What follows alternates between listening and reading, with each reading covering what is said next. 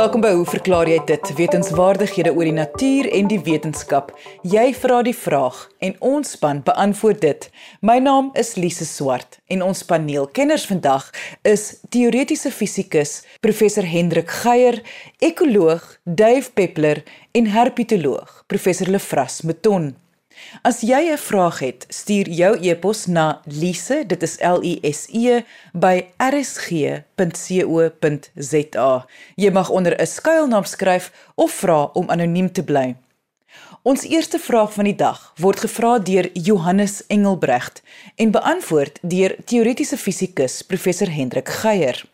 Johannes skryf: Met sonsonder een middag in Botswana was daar net genoeg los wolke op die weste horison om die son se strale in strepe op te breek.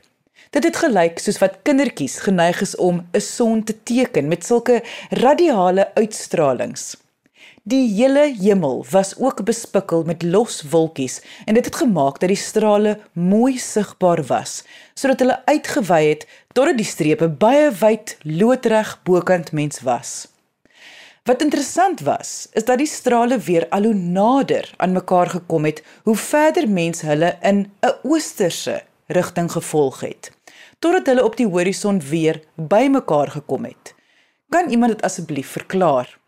Professor Geier. Uh goeiemôre luisteraars, môre Lize, uh dankie aan Johannes Engelbreg vir 'n uh, interessante waarneming. Ek is seker uh dit is 'n waarneming wat baie van ons luisteraars al self gemaak het, maar hy beskryf dit nou baie mooi wat hulle daar uh met sonsondergang in in Botswana gesien het. En 'n mens sien dit in hierdie verskynsel waar dit lyk asof die sonstrale so opgebreek word. Inderdaad is dit die geval want uh mense neem net hierdie strale waar as die son deur wolke onderbreek word op so 'n manier dat sommige strale nog deurgelaat word. Mense sien dit baie keer ook as jy naby 'n uh, 'n bergreeks is, byvoorbeeld in die Drakensberge, as jy laatmiddag so oor die draak se rug kyk, dan sien jy hoe die sonstrale plek plek deurskyn, ander plekke word hulle onderbreek. Hoe ook al hierdie is 'n bekende verskynsel. Nou uh, Johannes dit sou jou interesseer en waarskynlik luisteraars ook om te weet dat uh, veral in in in in die Engelse wêreld uh hierdie verskynsel 'n spesifieke naam het daar word naamlik verwys na crepuscular rays. En die woord kom van die Latyn crepusculum wat eintlik maar net beteken skemer. So 'n mens sou seker in Afrikaans kom praat van skemerstrale.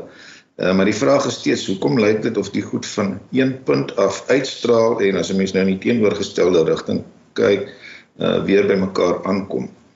Dit is inderdaad so dat omdat die son baie ver is vir alle praktiese doeleindes vir hierdie soort gesprek oneindig ver, verwag 'n mens dat jy parallelle son sonstrale sal sien. En dit is inderdaad die geval. Uh, nou hoekom lyk dit dan nou of die goed van 'n punt af kom en weer by 'n punt by mekaar kom? Ja, Johannes, dit is alles net 'n kwessie van perspektief. Jy sien presies dieselfde toedrag van sake as jy byvoorbeeld langs 'n lang ononderbroke stuk spoorlyn afkyk, dan weet jy dit is 'n parallelle spoorlyn, maar eers daar naby die horison as dit nou ver genoeg sigbaar bly, dan sien jy dat die spoor ook lyk of dit by 'n punt uiteindelik by mekaar uitkom. Uh so dis alles 'n kwessie van perspektief en 'n mens kan verstaan hoekom jy dit so sien as jy vir jouself sê as mens nou weer na die spoorlyn verwys, sê maar hier naby jou is hulle 'n meter uitmekaar.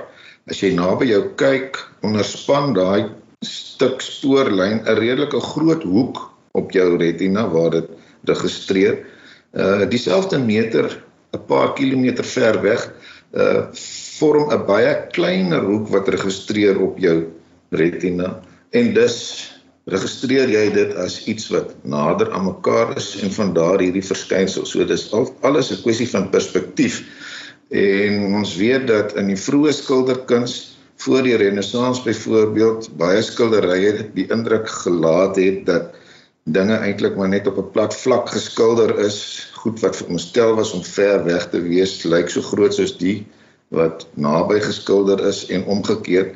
En dit was eers toe onder andere mense soos Da Vinci uh die kwessie van perspektief begin bemeester het dat hulle dit ingespan het om die selfde perspektief as wat 'n mens normaalweg sien van enige toneel, naamlik dat die goed wat verder weg is, 'n bietjie kleiner lyk uh, as wanneer hulle naby is om dit alles vas te vang en op 'n baie sistematiese manier. So die meetkunde van perspektief is baie goed geanaliseer. As 'n mens byvoorbeeld 'n 'n kubus op 'n tweedimensionele vlak probeer voorstel, dan weet jy uh, presies hoe om die lyne te trek dat dit nog steeds soos 'n kubus lyk en die punte waar hierdie lyne langs die kubus se eie kante uiteindelik bymekaar kom staan bekend as die verdwynpunt. Mense kan ook praat van die punt van konvergensie.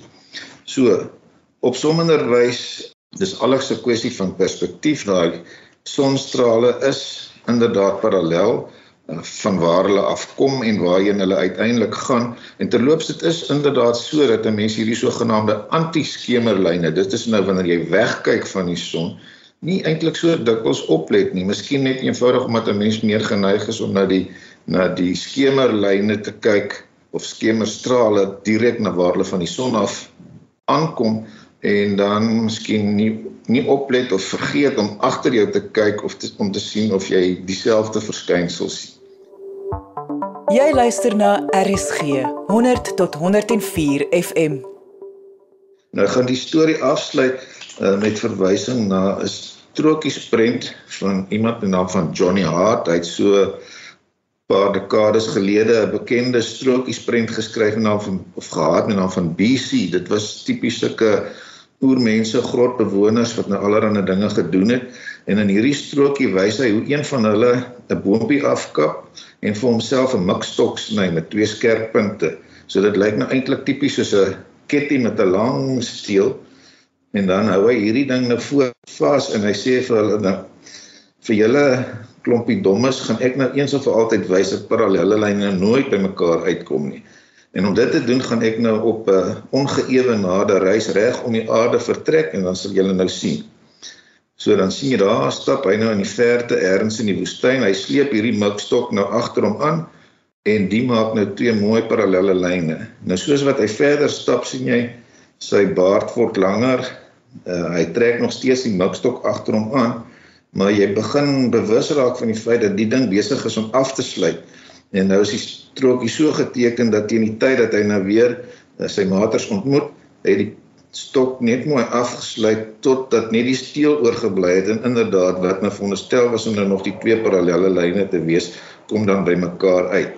So dit was so 'n tong in die kies manier om weer onder mense aandag te bring uh, die hele kwessie van parallelle lyne, uh, die kwessie van perspektief en dit was natuurlik in die vroeë meetkunde 'n kwessie gewees om te probeer bewys dat parallelle lyne nie by mekaar kan uitkom nie.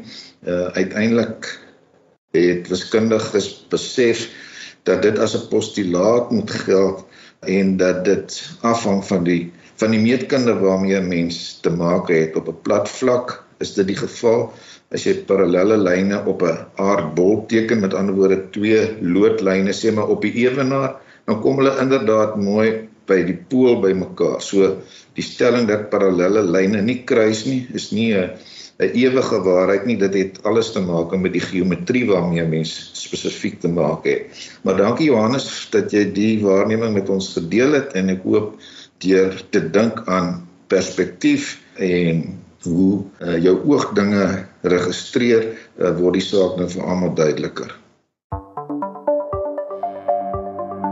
En dit was teoretiese fisikus professor Hendrik Geier. Indien jy 'n vraag het, stuur jou e-pos na lise, dit is L I S E by rsg.co.za of deur RSG se webwerf. Gaan net na rsg.co.za. Onthou, jy mag onder 'n skuilnaam skryf of vra om anoniem te bly.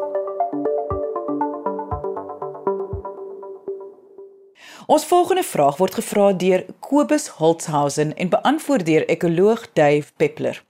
Kobus vra: Is daar enige vorm van lewe in ondergrondse water, byvoorbeeld water wat ons met boorgate uitpomp? Dave? Lise, weet jy, ek het al jare lank 'n belangstelling in fonteine grondwater om redes nie om dit te gebruik nie, maar die kulturele gebruik van grondwater. Byvoorbeeld, ek het uh, vir 'n leeftyd lank gewerk in troop-ekwatoriale en tropiese Afrika en reg oor Afrika waar daar 'n fontein is, is daar gewoonlik 'n baie interessante kulturele koneksie.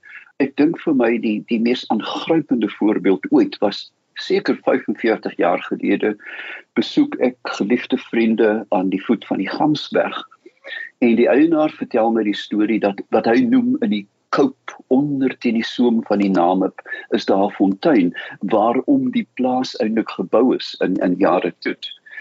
En hy het vir my gesê dat met volmaan stoot die water uit en ek het gedink ek wonder hoeveel brandewyn nou ons nou al vanaand gedrink het tot ek een aand lê en uh, wag vir vir die oggend om te jag. Jy weet nou lê mes daar minus hemel weet wat. En net na 12 oor die rand van die Gamsberg stoot die volmaan op. Lise in voor my oë stoot die silwer water uit die grond. Ek het ek het daar gesit en huil van aandoening. So, jy weet grondwater is magies. Dit is die die uh legendes word daar omgebou en net langsaan as jy 'n bietjie opstap met die loop van die rivier dan in die ergste ergste ergste droogte sien jy waar sebras gate gegrawe het in die sand tot op die watervlak uh, of die grondwatertafel en dan daar suip want daar nie 'n 'n druppel op 'n vlakte water is nie. Goed. Nou grondwater is water wat teenwoordig is in poree en gebroke rotsformasies. Nou ja, dis 'n mondvol want ons weet die aarde se korsies is sommer net 'n eie vel, nie dis 'n dik ding. Hierdie stelsel ehm um, waarin die water dan gehuisves word of of of voorkom staan bekend as 'n akwifer. So 'n mooi naam, net die akwifer. Die diepte waar die grondwater dan versadig is. Met ander woorde dat daar geen lug in is nie staan ook dan bekend as die grondwatertafel. Nou ons boere mense ken dit mos nou al te goed. Jy weet die boorgat het gesak van 15 meter na dit die put se water. Dit is die watervlak. Die watervlak in die algemeen in alle vaste lande, ons praat nie van die oseane nie, bereik soms die oppervlakte en dan het ons fonteine, lekke of uh, suipelings. Oases dink daaraan in die hart van die uh, uh, Sahara waar daar byna nie reën val nie, stroom water uit die sand en dan ook natuurlik vlei lande en by vlei lande wat water produseer was ek onsaglik geseënd om 'n uh, aantal jare gelede in die boelope van die Okavango in Wambu provinsie van um, Angola te staan. Weet jy Lise, daar is sogenaamde oë. Hulle praat dus van die oog van die fontein. Daar is oë 3 tot 4 meter in deursnit waaruit jenever helder water uit die aarde borrel. Ek het daar gestaan aangedaan dat ek byna nie 'n foto kon neem nie. Die probleem met grondwater is dit is gewoonlik goedkoper en meer suiwer as kraanwater of oppervlaktewater en daarom is daar 'n reuse druk op hierdie ondergrondse water en die mense dink aan Kalifornië wat meeste van hulle water uit die grond uit kry. So ehm um, daar word ook bereken dat die grondwater in Amerika meer water bevat as al daai ontsaglike groot mere in die noorde. Met ander woorde ons praat van 'n van 'n indien dit direk benader word 'n volhoubare bron van water.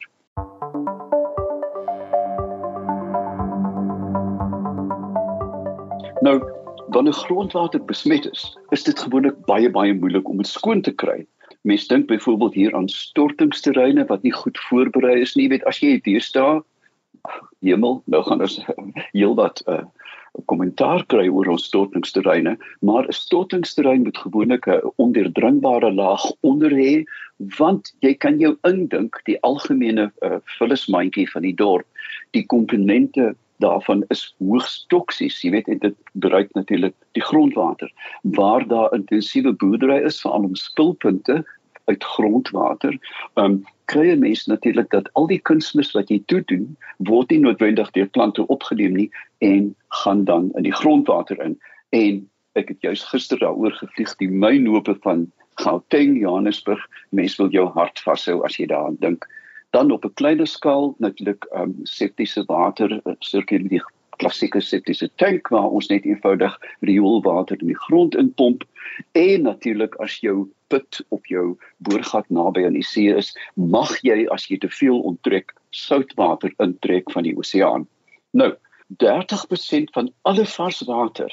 En nou praat ons natuurlik ons sluit nou die die pole uit, kom uit grondwater en 99% van alle vloeibare water sit in die grond. Met ander woorde, meeste van die water op aarde is vasgevang in die grond. As jy mens dink aan Australië, hulle het 'n pragtige sentrale akwifer met die naam van the Great Artesian Basin. Is die gemiddelde as jy nou dit uh, steekproewe maak, uh, water uitpomp by verskillende plekke, is die ouderdom van hierdie water meer as 1 miljoen jaar. Dit sit daar al vir 'n miljoen jaar. Hierdie water is ook gewoonlik koud uh, in die orde van 10 uh, grade Celsius en in baie plekke begin mense nou hierdie water herse, hulle pomp dit op, verkoel die huis dan met uh, met 'n verkoelingsstelsel en pomp dit weer in die grond en dis absoluut gratis verkoeling. Van al ons natuurlike hulpbronne is grondwater onder die allerhoogste druk want ons weet wat aangaan die wêreld word droog en die wêreld word nat en waar dit droog word is daar groot premie op hierdie water.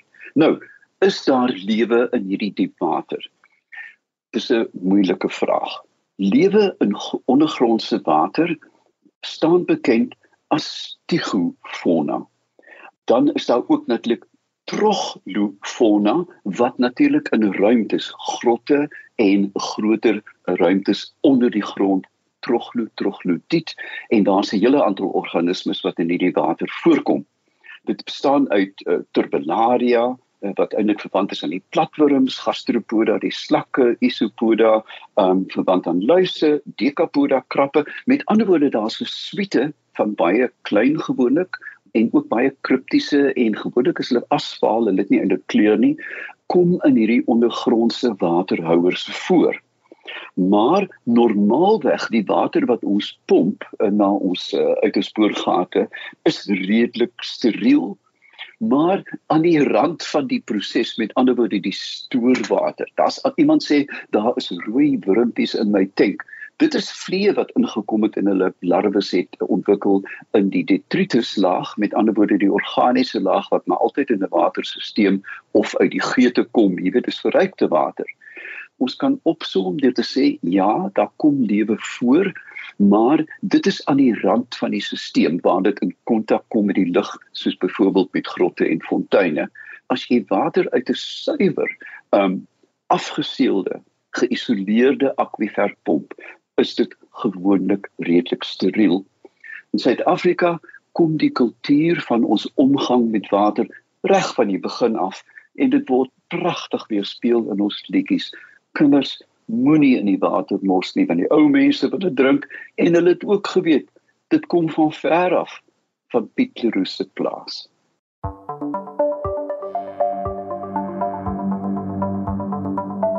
En dit was ekoloog Dave Peppler.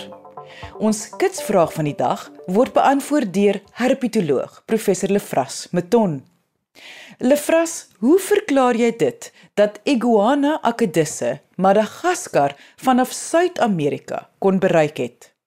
Lisa as mens nou na 'n wêreldkaart kyk, dan lê Madagaskar in die Indiese Oseaan reg oos van Zimbabwe en Mosambiek, 560 km van die Afrika kus. Nou gegeewe dat beide Zimbabwe en Mosambiek aan Suid-Afrika grens, dan is Madagaskar mos sommer nou baie naby aan ons. Hierdie groot eiland met sy unieke plant en dierelewe.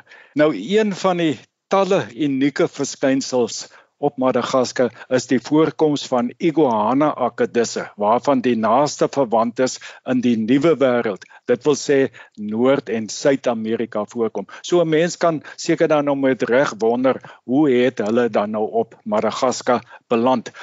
Madagaskar het eers saam met Afrika, Suid-Amerika, Antarktika en Indië die soepe kontinent Gondwana gevorm. Maar teen 105 155 miljoen jaar gelede het Gondwana begin opbreek sodat Madagaskar teen so 80 miljoen jaar gelede 'n geïsoleerde eiland in die Indiese Oseaan was. So een moontlike verklaring vir die teenwoordigheid van iguana akedisse op Madagaskar sou wees dat toe Gondwana nou nog een landmassa was, iguana akedisse vanaf Suid-Amerika, Suid-Amerika in die weste oor Afrika tot in die gebied van Madagaskar in die ooste versprei het en toe uh, Gondwana begin opbreek het sou daar dus reeds van hierdie akedisse op Madagaskar teenwoordig gewees het.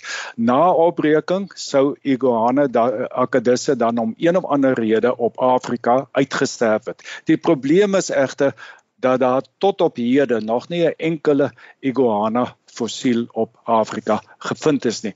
Om dinge Verder te kompliseer het die jongste studie wat vir jaar gepubliseer is gewys dat Madagaskar se iguana akedisse wel naaste verwant aan Suid-Amerika sin is, maar dat hierdie vertakking in die stamboom teen ongeveer 60 miljoen jaar gelede plaasgevind het. Dit wil sê toe Madagaskar alreeds 'n geïsoleerde eiland was. Dit sou dus beteken dat die akedisse Madagaskar oor water uh moes bereik het. Dit kon nie vanaf Afrika oor die Mosambiek kanaal geskied het nie, want daar is of was nie iguana akedisse op Afrika nie.